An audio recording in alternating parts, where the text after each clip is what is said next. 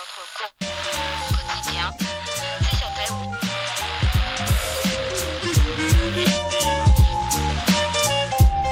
Welkom bij Radio Lef, de podcast van het Leids Educational Field Lab. Een energieke broedplaats waar kennisdeling centraal staat en men kan sparren zonder beperkingen met lef en liefde voor het onderwijs. Alleen het vervelende is, is dat we door de toetscultuur in een soort schijnwerkelijkheid zijn gekomen. En het cijfer niet meer gekoppeld is aan inhoudelijke feedback, maar aan het aantal vragen dat je goed hebt. En als het aantal vragen een beetje weggezakt is waar die ook alweer over gingen, waar heb jij die zeven dan voor? In deze aflevering bezoek ik Elisabeth Langeveld.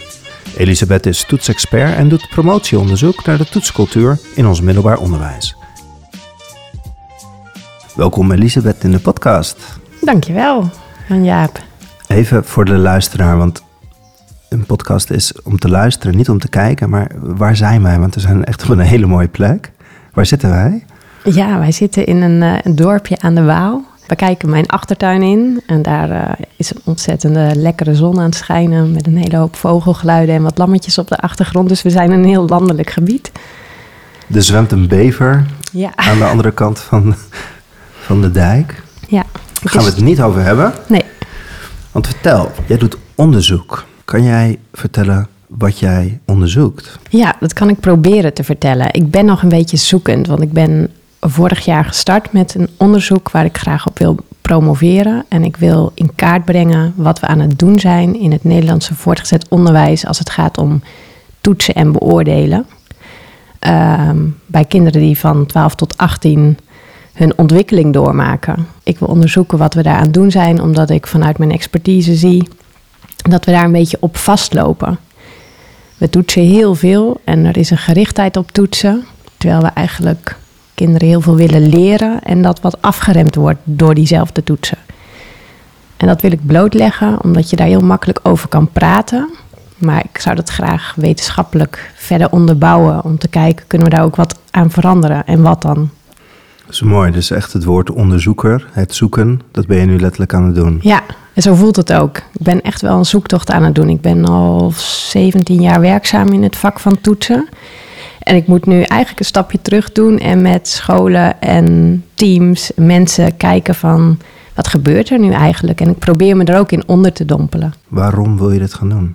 Hmm, er zit wel zit van alles onder eigenlijk. Enerzijds een soort frustratie van toetsen kan op zo'n mooie manier een bijdrage leveren. En waarom frustreert het dan ook in het onderwijs zo erg? En dat frustreert mij dan weer.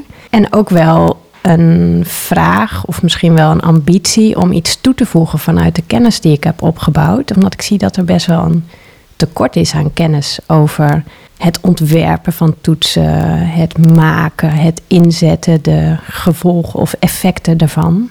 Dus ik merk dat er, als het gaat om kennis en handelingsbekwaamheid in het onderwijs zelf, dat het best wel zoeken is als je iets veel gebruikt, maar daar relatief weinig over weet. Je zei net, het frustreert me. Waarom frustreert het je?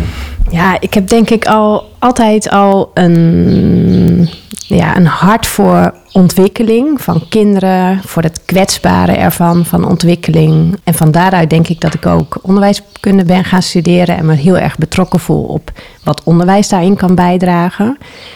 En ik ben denk ik redelijk analytisch. Dus ik vind dat stukje van toetsing, iets proberen helder te krijgen, dat vind ik heel leuk. En die twee samen, die, als je die twee samenbrengt, dan lijkt het alsof ze elkaar juist niet versterken.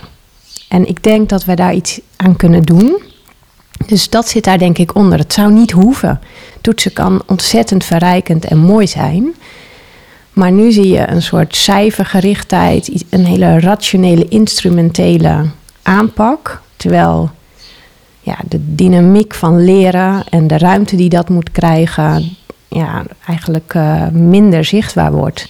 Dus het erkennen van wat iemand in een leerproces gedaan heeft, wordt soms juist heel klein gemaakt in de toets. Terwijl het een moment zou kunnen zijn waarop het juist, omdat je het wat zichtbaar maakt, juist groter gemaakt zou kunnen worden. Jouw focus ligt op 12 tot 18, dus eigenlijk na die eindtoets van het basisonderwijs. Ja. Hoe is het gesteld met de toetscultuur in het middelbaar onderwijs in Nederland? ik heb de neiging om gelijk een antwoord te geven. En tegelijkertijd merk ik door het jaar onderzoek wat ik nu aan het doen ben, dat ik denk, ja, eigenlijk hebben we helemaal niet zo helder wat we onder toetscultuur verstaan. Dus ik kan je wel wat observaties delen die ik, uh, die ik tot nu toe heb gedaan. En dan zie ik dat uh, de toetscultuur, die overheerst denk ik de leercultuur, die wel gewenst is. Dus als je onderwijs geeft, dan wil je het leren stimuleren en dan wil je graag dat leerlingen betrokken zijn, groeien, meer kennis krijgen, maar ook vaardigheden ontwikkelen, zich kunnen uiten, zich als mens ontwikkelen.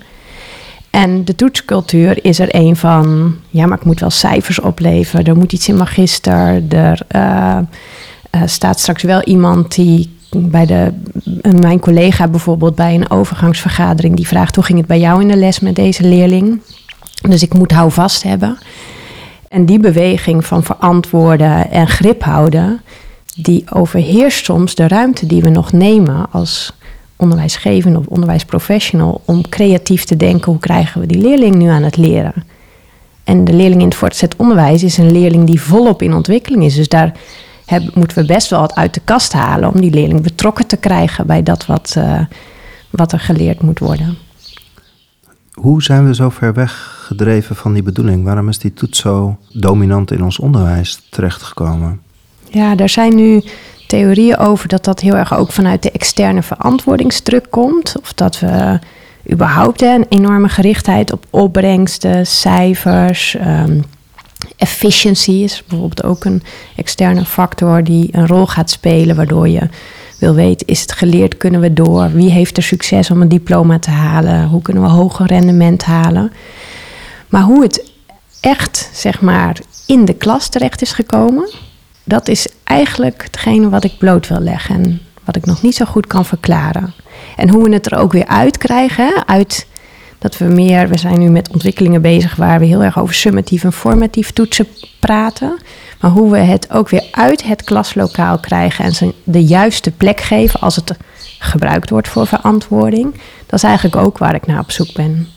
Wat hebben we daarvoor nodig? Wat zie je bij de gemiddelde scholen? Wat valt je daar op? Daar valt me op dat, we, dat er in de school een enorme worsteling gaande is. Dus scholen hebben nu opnieuw vanuit een externe druk door eigenlijk de problemen die er waren met schoolexamens in Maastricht en Rotterdam, hebben eigenlijk allerlei ja, actielijnen opgelegd gekregen of zelf geformuleerd, waar ze met schoolexaminering en visie op toetsen en examens uh, aan de slag moeten en gaan.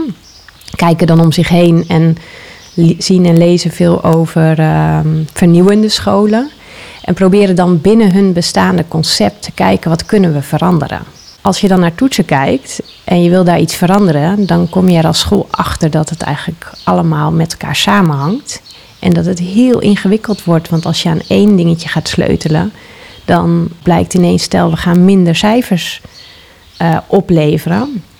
Hoe moet het dan met de overgangsnorm? Want die is helemaal opgebouwd op basis van een bepaalde berekening om te bepalen of een kind over kan van de brugklas naar de tweede of van de onderbouw naar de bovenbouw. Eigenlijk op heel veel vlakken zie je dat als dan één zo'n keuze wordt gemaakt, dan kan er wel één docent aan de slag of een groepje karttrekkers aan de slag, maar die voelen dan vervolgens de rem van het geheel. Want als niet iedereen het doet, dan gaat er onderlinge concurrentie ontstaan bijvoorbeeld. Leerlingen gaan voor vakken waar meer getoetst wordt dan hun aandacht naar die vakken verleggen. Dus het feit dat je het als een hele organisatie samen moet doen, een visie moet ontwikkelen om dingen in de praktijk in je handelen te veranderen. Dat wordt ineens een hele grote opdracht. En dat is dus niet alleen maar even sleutelen aan een PTA of wat dingen organisatorisch anders inrichten om de kwaliteitsprocessen goed te laten lopen. Het is echt een bouwwerk wat, wat helemaal in elkaar verankerd zit. En als je aan één knopje draait, dan ontregelt het geheel. Ontregelt het geheel en het, de vraag van hoe dan en ook het, de grote behoefte om met snelle oplossingen te komen is tegelijkertijd weer een, eh, een, een lastig vraagstuk. Want eigenlijk is hier geen snelle oplossing. Er zou eigenlijk een stukje bezinning moeten komen. Wat willen wij nu eigenlijk met cijfers? Welke betekenis geven wij aan verschillende soorten toetsmomenten? Wat verwachten wij van leerlingen? Maar ook van wie is het leren? Als we met toetsen leerlingen in beweging zetten om ze van het ene hobbeltje naar het andere hobbeltje te laten bewegen en dat ze alleen nog maar gaan leren als het op de toets terugkomt, dan is het leren niet meer een proces van leraar en uh, leerling samen, waarin gezamenlijke verantwoordelijkheid wordt gedragen. Dan is toets eigenlijk een, weer een machtsmiddel geworden om tot beweging en tot actie aan te zetten. Als we zoveel toetsen, hebben we dan kwalitatief goede toetsen in Nederland op de middelbare scholen? Als je het afweegt tegen wat we ermee doen, dus een cijfer wat meetelt voor een beslissing, bijvoorbeeld voor overgang, en in dat geval is het best een belangrijk moment, dan hebben we eigenlijk helemaal geen goede toetsen. Ik zie weinig scholen die echt gedegen hun toetsen analyseren op bijvoorbeeld moeilijkheidsgraad of vergelijkbaarheid onderling. Of je in de ene klas een toets bij de ene docent krijgt, kan echt anders zijn dan in de andere klas bij een andere docent. Maar dat ene cijfer wat eruit rolt, telt wel op dezelfde manier mee voor de overgang. Eigenlijk vinden we dat als we het zo blootleggen heel oneer oneerlijk. Maar het gebeurt wel heel veel. Als je toetsing veel meer, zoals nu ook heel veel scholen bewegen, formatief gaat inzetten, dan kun je dat soort dingen zoals is een toets betrouwbaar, ook wat meer op de achtergrond zetten. Dan gaat de kwaliteit verschuift van of het instrument van kwaliteit is naar is het proces tussen leerling en leraar of klas, leergroep is, eh, en wat geleerd moet worden, is dat proces van kwaliteit. Wordt er rijke inhoudelijke feedback gegeven? Is het zo inhoudelijk en concreet dat een leerling een stap verder kan maken? En dan hoeft niet het aantal vragen voldoende te zijn om een betrouwbare uitslag te geven, maar gaat het over de kwaliteit van wat er in dat leerproces gaande is. Nou, en dat onderscheid maken, dat vinden we blijkbaar ontzettend moeilijk. Kan je dat verklaren? Of gaat daar juist je onderzoek over? Nou, ik denk dat ik het wel een beetje kan verklaren. Wat er voor nodig is, is dat we kennis hebben over toetsen. We hebben ook zicht nodig op uh, met welke belangen toetsen we dan? Waarom doen we het? En dat ge gesprek wordt in de professionele dialoog uh, in scholen nauwelijks gezamenlijk gevoerd. En dat betekent dat je het alleen als docent in jouw klas moet doen. En daar kan je het heel rijk vormgeven. Maar jij bent één steentje in het geheel van wat die leerling in zijn opleiding doormaakt. En dat heeft samenhang nodig. En is dat de cruciale ontbreking, eigenlijk die samenhang van het curriculum op, op veel middelbare scholen? Wordt er veel vanuit het vak bedacht? Ik ga dit toetsen zodat de leerling dat zijn huiswerk Nou, dat zou ik eigenlijk ook heel mooi vinden als er nog meer vanuit het vak wordt samengewerkt. En gelukkig zie ik die beweging ook wel veel.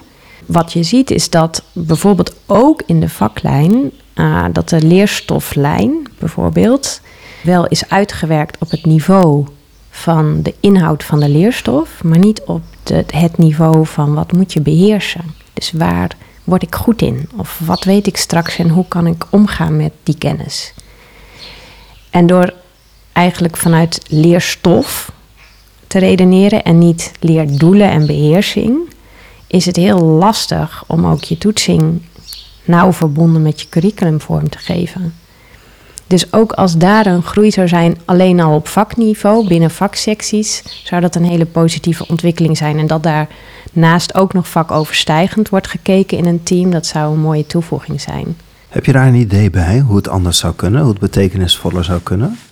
Ik merk dat ik altijd aanga als er uh, schoolleiders zijn die samen met uh, hun teams tijd nemen om te kijken wat betekent dit op zowel het inhoudelijke niveau van hoe wij kijken naar toetsing en examinering. Wat vinden we daar vakinhoudelijk of uh, vakoverstijgend van?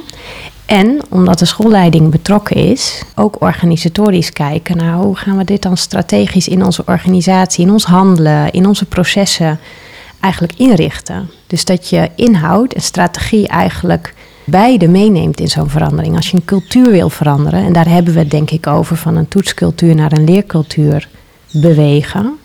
Als je een cultuur wil veranderen, dan heb je op uh, die verschillende facetten actie nodig. En tijd om inhoudelijk te kijken welke cultuur willen we dan. En een proces om samen sturing te geven aan hoe gaan wij richting die cultuur groeien dan. Wat hebben we te doen? Waar nemen we afscheid van? Wat durven we los te laten of wat durven we anders in te richten? Want het vertrouwen wat wij in toetsen hebben, dat maakt denk ik dat we dat nog steeds zo verweven hebben in het systeem. Als dat vertrouwen in die toetscijfers en die objectiviteit van dat toetsoordeel. Als we dat gaan verschuiven naar dat proces, dan gaan we eigenlijk iets vervangends te inzetten. Het is niet van we toetsen nooit meer of we hebben helemaal geen cijfers meer. Maar blijkbaar hebben we ergens anders houvast nodig. Ja, is dat het? Ja, want we zitten denk ik toch ook, en zeker in het voortgezet onderwijs, we leiden op richting uiteindelijk een examenniveau. Onderwijs is ook een, een systeem waar, waar geld een rol speelt. We kunnen niet uh, tien jaar over het VWO doen of uh, tien jaar over het VMBO. Dus wat je wil is leerlingen zo goed mogelijk opleiden, ook naar een beheersingsniveau toe. En je wilt wel kijken of je daar met succes naartoe gaat. En daar komen, wat mij betreft, dat systeem van die organisatie en strategie en die inhoud samen. Dus die waarde van onderwijs en tegelijkertijd die organisatie van een school en van mensen die daar werken samen met elkaar om dat te bereiken. Je, je zei net leiderschap eigenlijk, hè? dus Ja. de cultuur van een school, visie en leiderschap. Mhm. Gaat het over leren of gaat het over toetsen? Hebben we eigenlijk heel zwart-wit voor een groot deel in ons middelbaar onderwijs eigenlijk vanuit angst of vanuit vasthouden aan overzicht een cultuur ingericht? Is dat een beetje wat jij ontmoet? Ja, ik ontmoet wel dat we. Stel, een schoolleider heeft te maken met een nieuwe docent. Die is nieuw aangenomen of die is ook net begonnen. Ja, hoe krijg je zicht op de kwaliteit die die docent in zijn klas levert? Dan is nu het houvast vaak of de leerlingen de toets behalen. En of daarmee geborgd is dat de leerstof geleerd is. Alleen het vervelende is, is dat we door de toetscultuur in een soort schijnwerkelijkheid zijn gekomen. En het cijfer niet meer gekoppeld is aan inhoudelijke feedback, maar aan het aantal vragen dat je goed hebt. En als het aantal vragen een beetje weggezakt is waar die ook alweer over gingen, waar heb jij die zeven dan voor? Hoe doe je je onderzoek naar? Ik observeer nu, dus ik ben eigenlijk heel praktijkgericht aan het kijken wat zeggen we over toetsen, waar stokt het gesprek, waar voelen we weerstand, wie voelt er dan weerstand en waarom? Waarom kan het zo verschillen eh, over locaties heen, bijvoorbeeld binnen één scholengemeente, ge- scho- schoolbestuur? En waar, ligt dat dan aan? En wat, wat zie ik als bijvoorbeeld gaat over verschillende leerwegen? Dan zie je dat er ook grote verschillen zijn tussen HAVO, VWO en VMBO. Daar waar de leerweg praktischer wordt, is het vaak makkelijker om in- inhoudelijke feedback te blijven geven. Daar waar de leerstof veel cognitiever wordt, vervallen we nog vaker meer in alsof alles ook ja, beter pakken is met zo'n toetsvraag, zo'n schriftelijke toetsvraag vaak. En dat om te zetten in een puntenaantal en door te gaan. In andere taal is hoe praktischer, hoe dichter bij de bedoeling er getoetst wordt? Is dat wat je zegt? Hoe makkelijker, ja, hoe makkelijker eh, het gesprek weer terug te brengen is ook naar de bedoeling. Kan je dat verklaren? Ik denk dat de, de mate waarin je als eh, docent voelt dat het leren misschien wel dat prachtige risico in zich heeft, hè, waar Gert het over heeft, of minder grip te krijgen is op dat leerproces. Naarmate het leren moeilijker is voor een leerling, heb je als docent, denk ik, daar in de praktijk gewoon al je creativiteit uit de kast te halen. Om toch elke keer weer dat de leerling aan te zetten en te helpen om te voelen waar gaat het over. Naarmate het cognitiever wordt en dus wat meer verstopt in het hoofd en leerlingen makkelijk leren, lijkt het alsof we een beetje kwijtraken dat een leerling ook kan leren van iets wat helemaal niet lukt. En dat we dat proces, misschien is het het softere proces, dat weet ik niet, maar dat gesprek wat uit het oog verliezen, eh, de weerstand die er kan zijn in zo'n leerproces wat uit het oog verliezen. Dus ik zie dat daar de grip op toetsing en hup naar de volgende eh, naar het volgende leerstofblok, dat dat op de een of andere manier makkelijker ingeslepen raakt. En we daar dan dus ook minder over na hoeven denken. Ik vind het ook nog wel verontrustend klinken eigenlijk, dat we zo weggedreven zijn van waartoe het onderwijs eigenlijk is. Je noemde het BISTA en het, het risico van onderwijs. En dit staat de haaks op dat we zo enorm aan het meten zijn. Lijkt Ja, het. ik vind het soms ook wel eh, confronterend wat ik tegenkom in, eh, in scholen. Ook dat sommige scholen gewoon echt niet, of teams in scholen, echt niet goed kunnen zeggen waar, waar liggen onze waarden nu. Wat is ons onderwijsconcept? Ja, we zijn nu bezig met een nieuw schoolplan, dus dat, dat, dat komt eraan.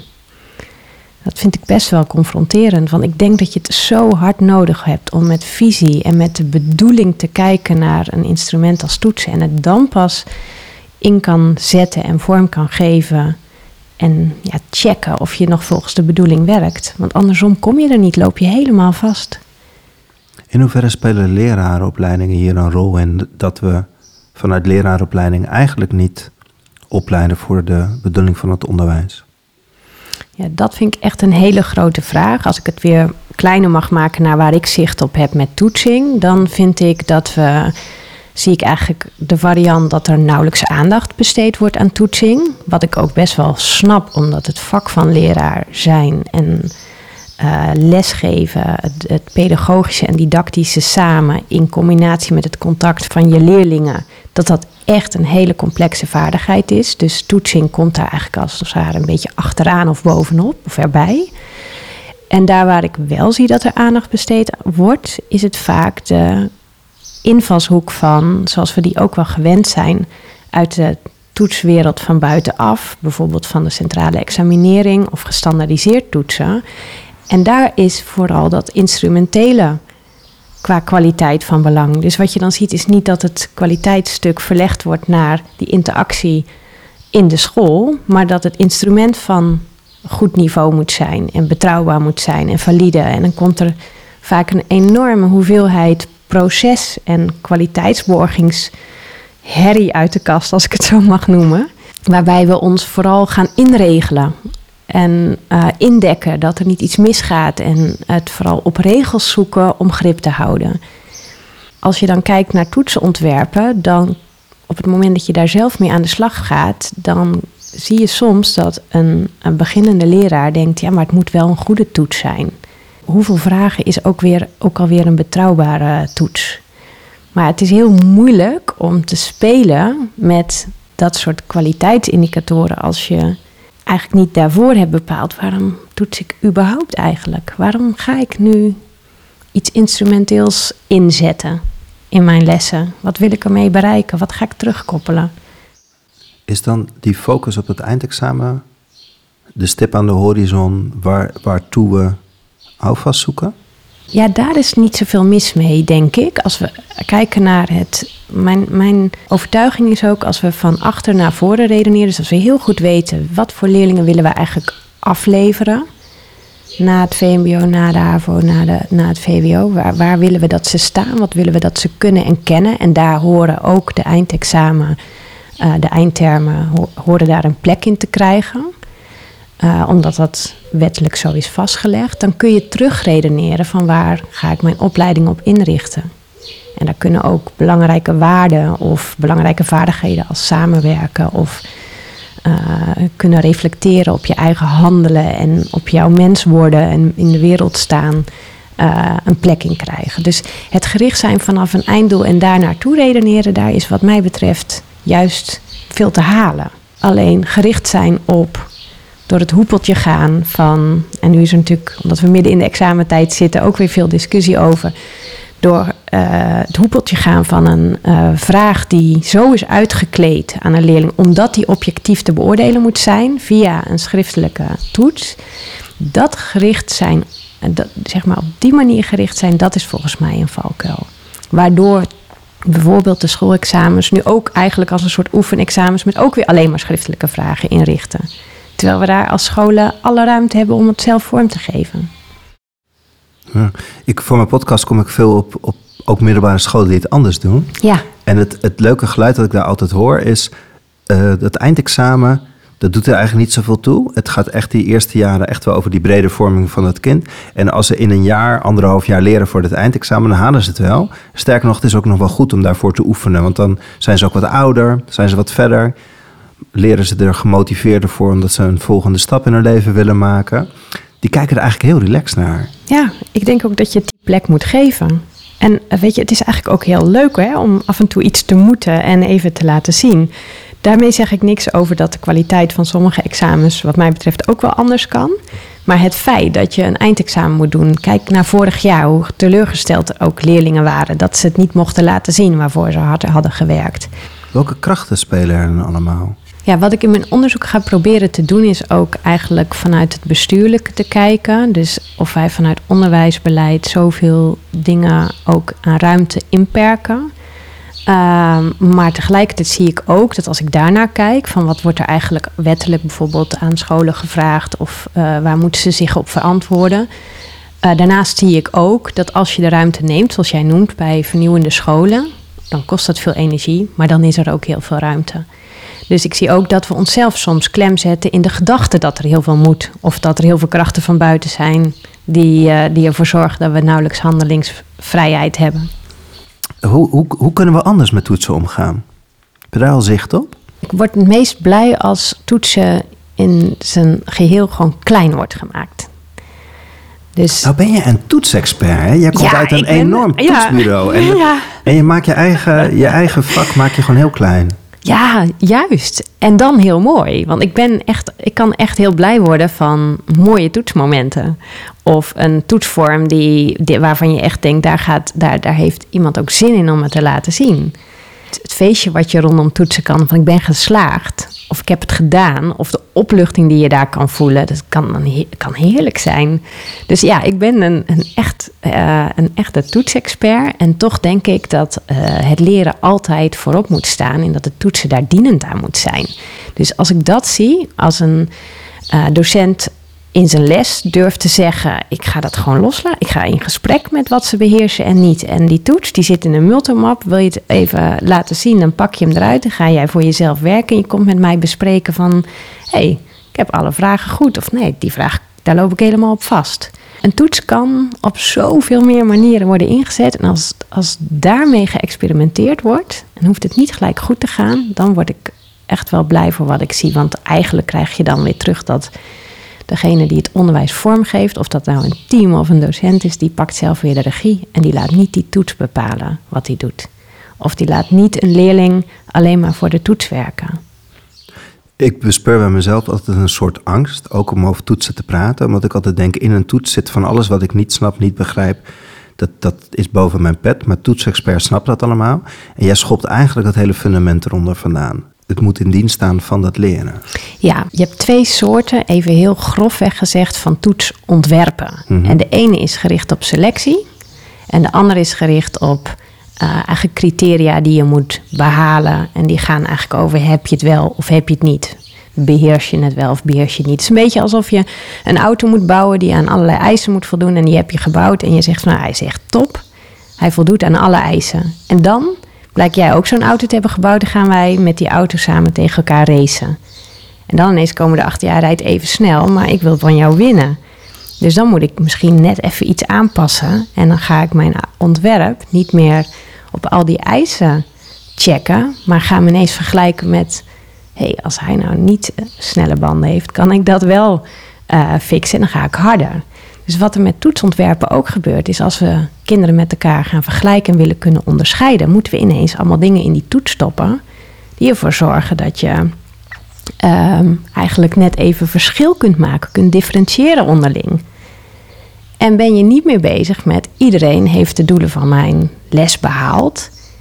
En dus ben ik heel tevreden. En er is nog steeds de opvatting. Ik kom echt veel groepen tegen waarbij als ik vraag: vinden jullie het oké of is er iets aan de hand als de hele klas een 10 heeft gehaald op de toets?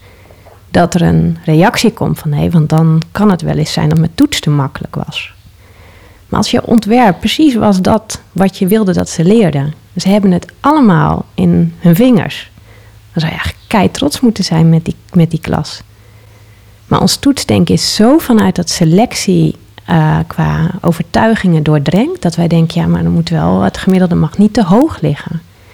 Dus die toetsontwerpwaarden, als je ze zo zou mogen noemen, die botsen met elkaar. Het zit zo diep in ons systeem. Het zit ontzettend diep in ons, systeem. Ja. Ja, want 100% geslaagd, daar gebeurt iets. Daar, de meeste mensen voelen van ja, nee, dat, dat, dat kan niet. Maar als we opleiden voor iets en we willen dat we vaardig zijn, dan vinden we het heel fijn dat er 100% geslaagd is. Bij selectietoetsen heel simpel. Hè. Ga je echt kijken naar de moeilijkheidsgraad van een vraag. Hoeveel uh, kinderen hebben het antwoord goed en vragen die een moeilijkheidsgraad hebben die te hoog is, dus een waarde van 90% of hoger, bij een selectietoets haal je die uit de toets. Want die zijn niet onderscheidend in de groep.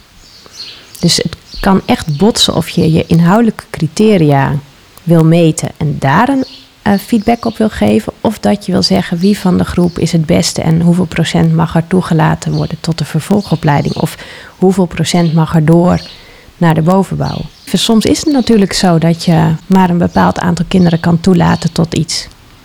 En dan mag je best een selectietoets inzetten als je daar maar heel helder bent. En dan is het ook heel slim om je toets zo te ontwerpen dat je kan selecteren.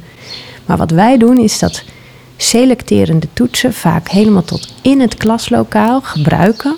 Terwijl we daar nog aan het leren zijn voor allerlei leerdoelen. En het zo fijn zou zijn als je leerlingen op de, hun weg naar het bereiken van die leerdoelen feedback kan geven.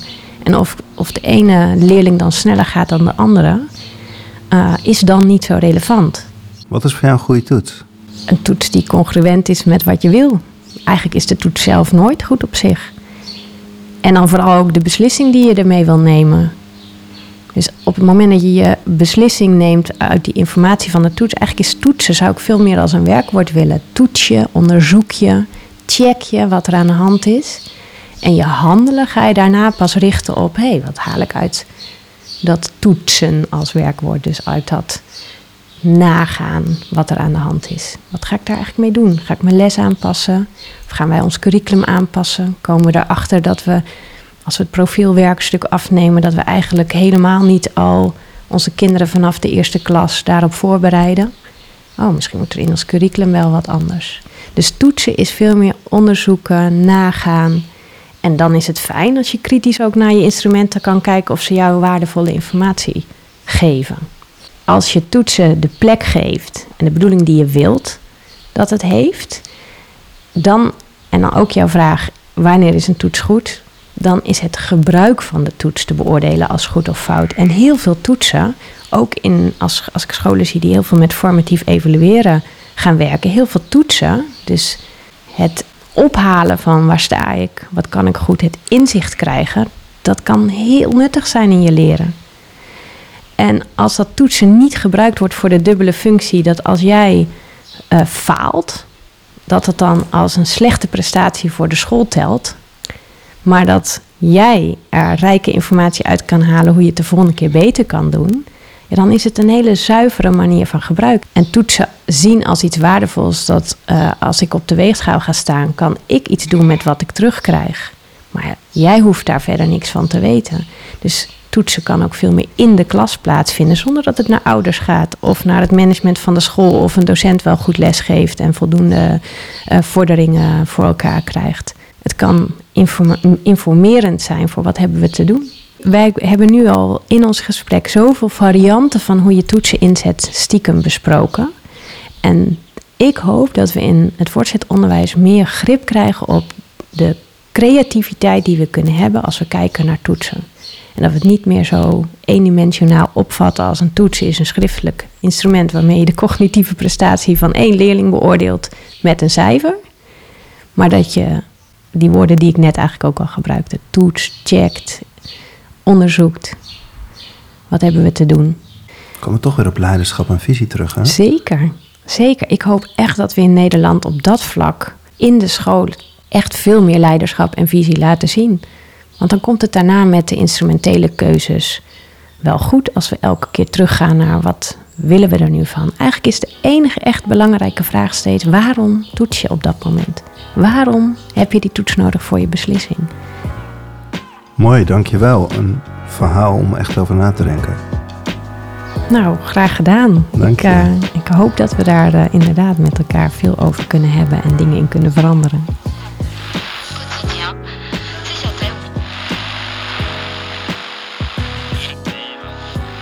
Dit gesprek was er eentje uit de serie Radio Lef. De podcast voor de Leidse broedplaats waar kennisdeling centraal staat en men kan sparren zonder beperkingen met lef en liefde. Voor meer informatie kijk op www.hetlef.nl.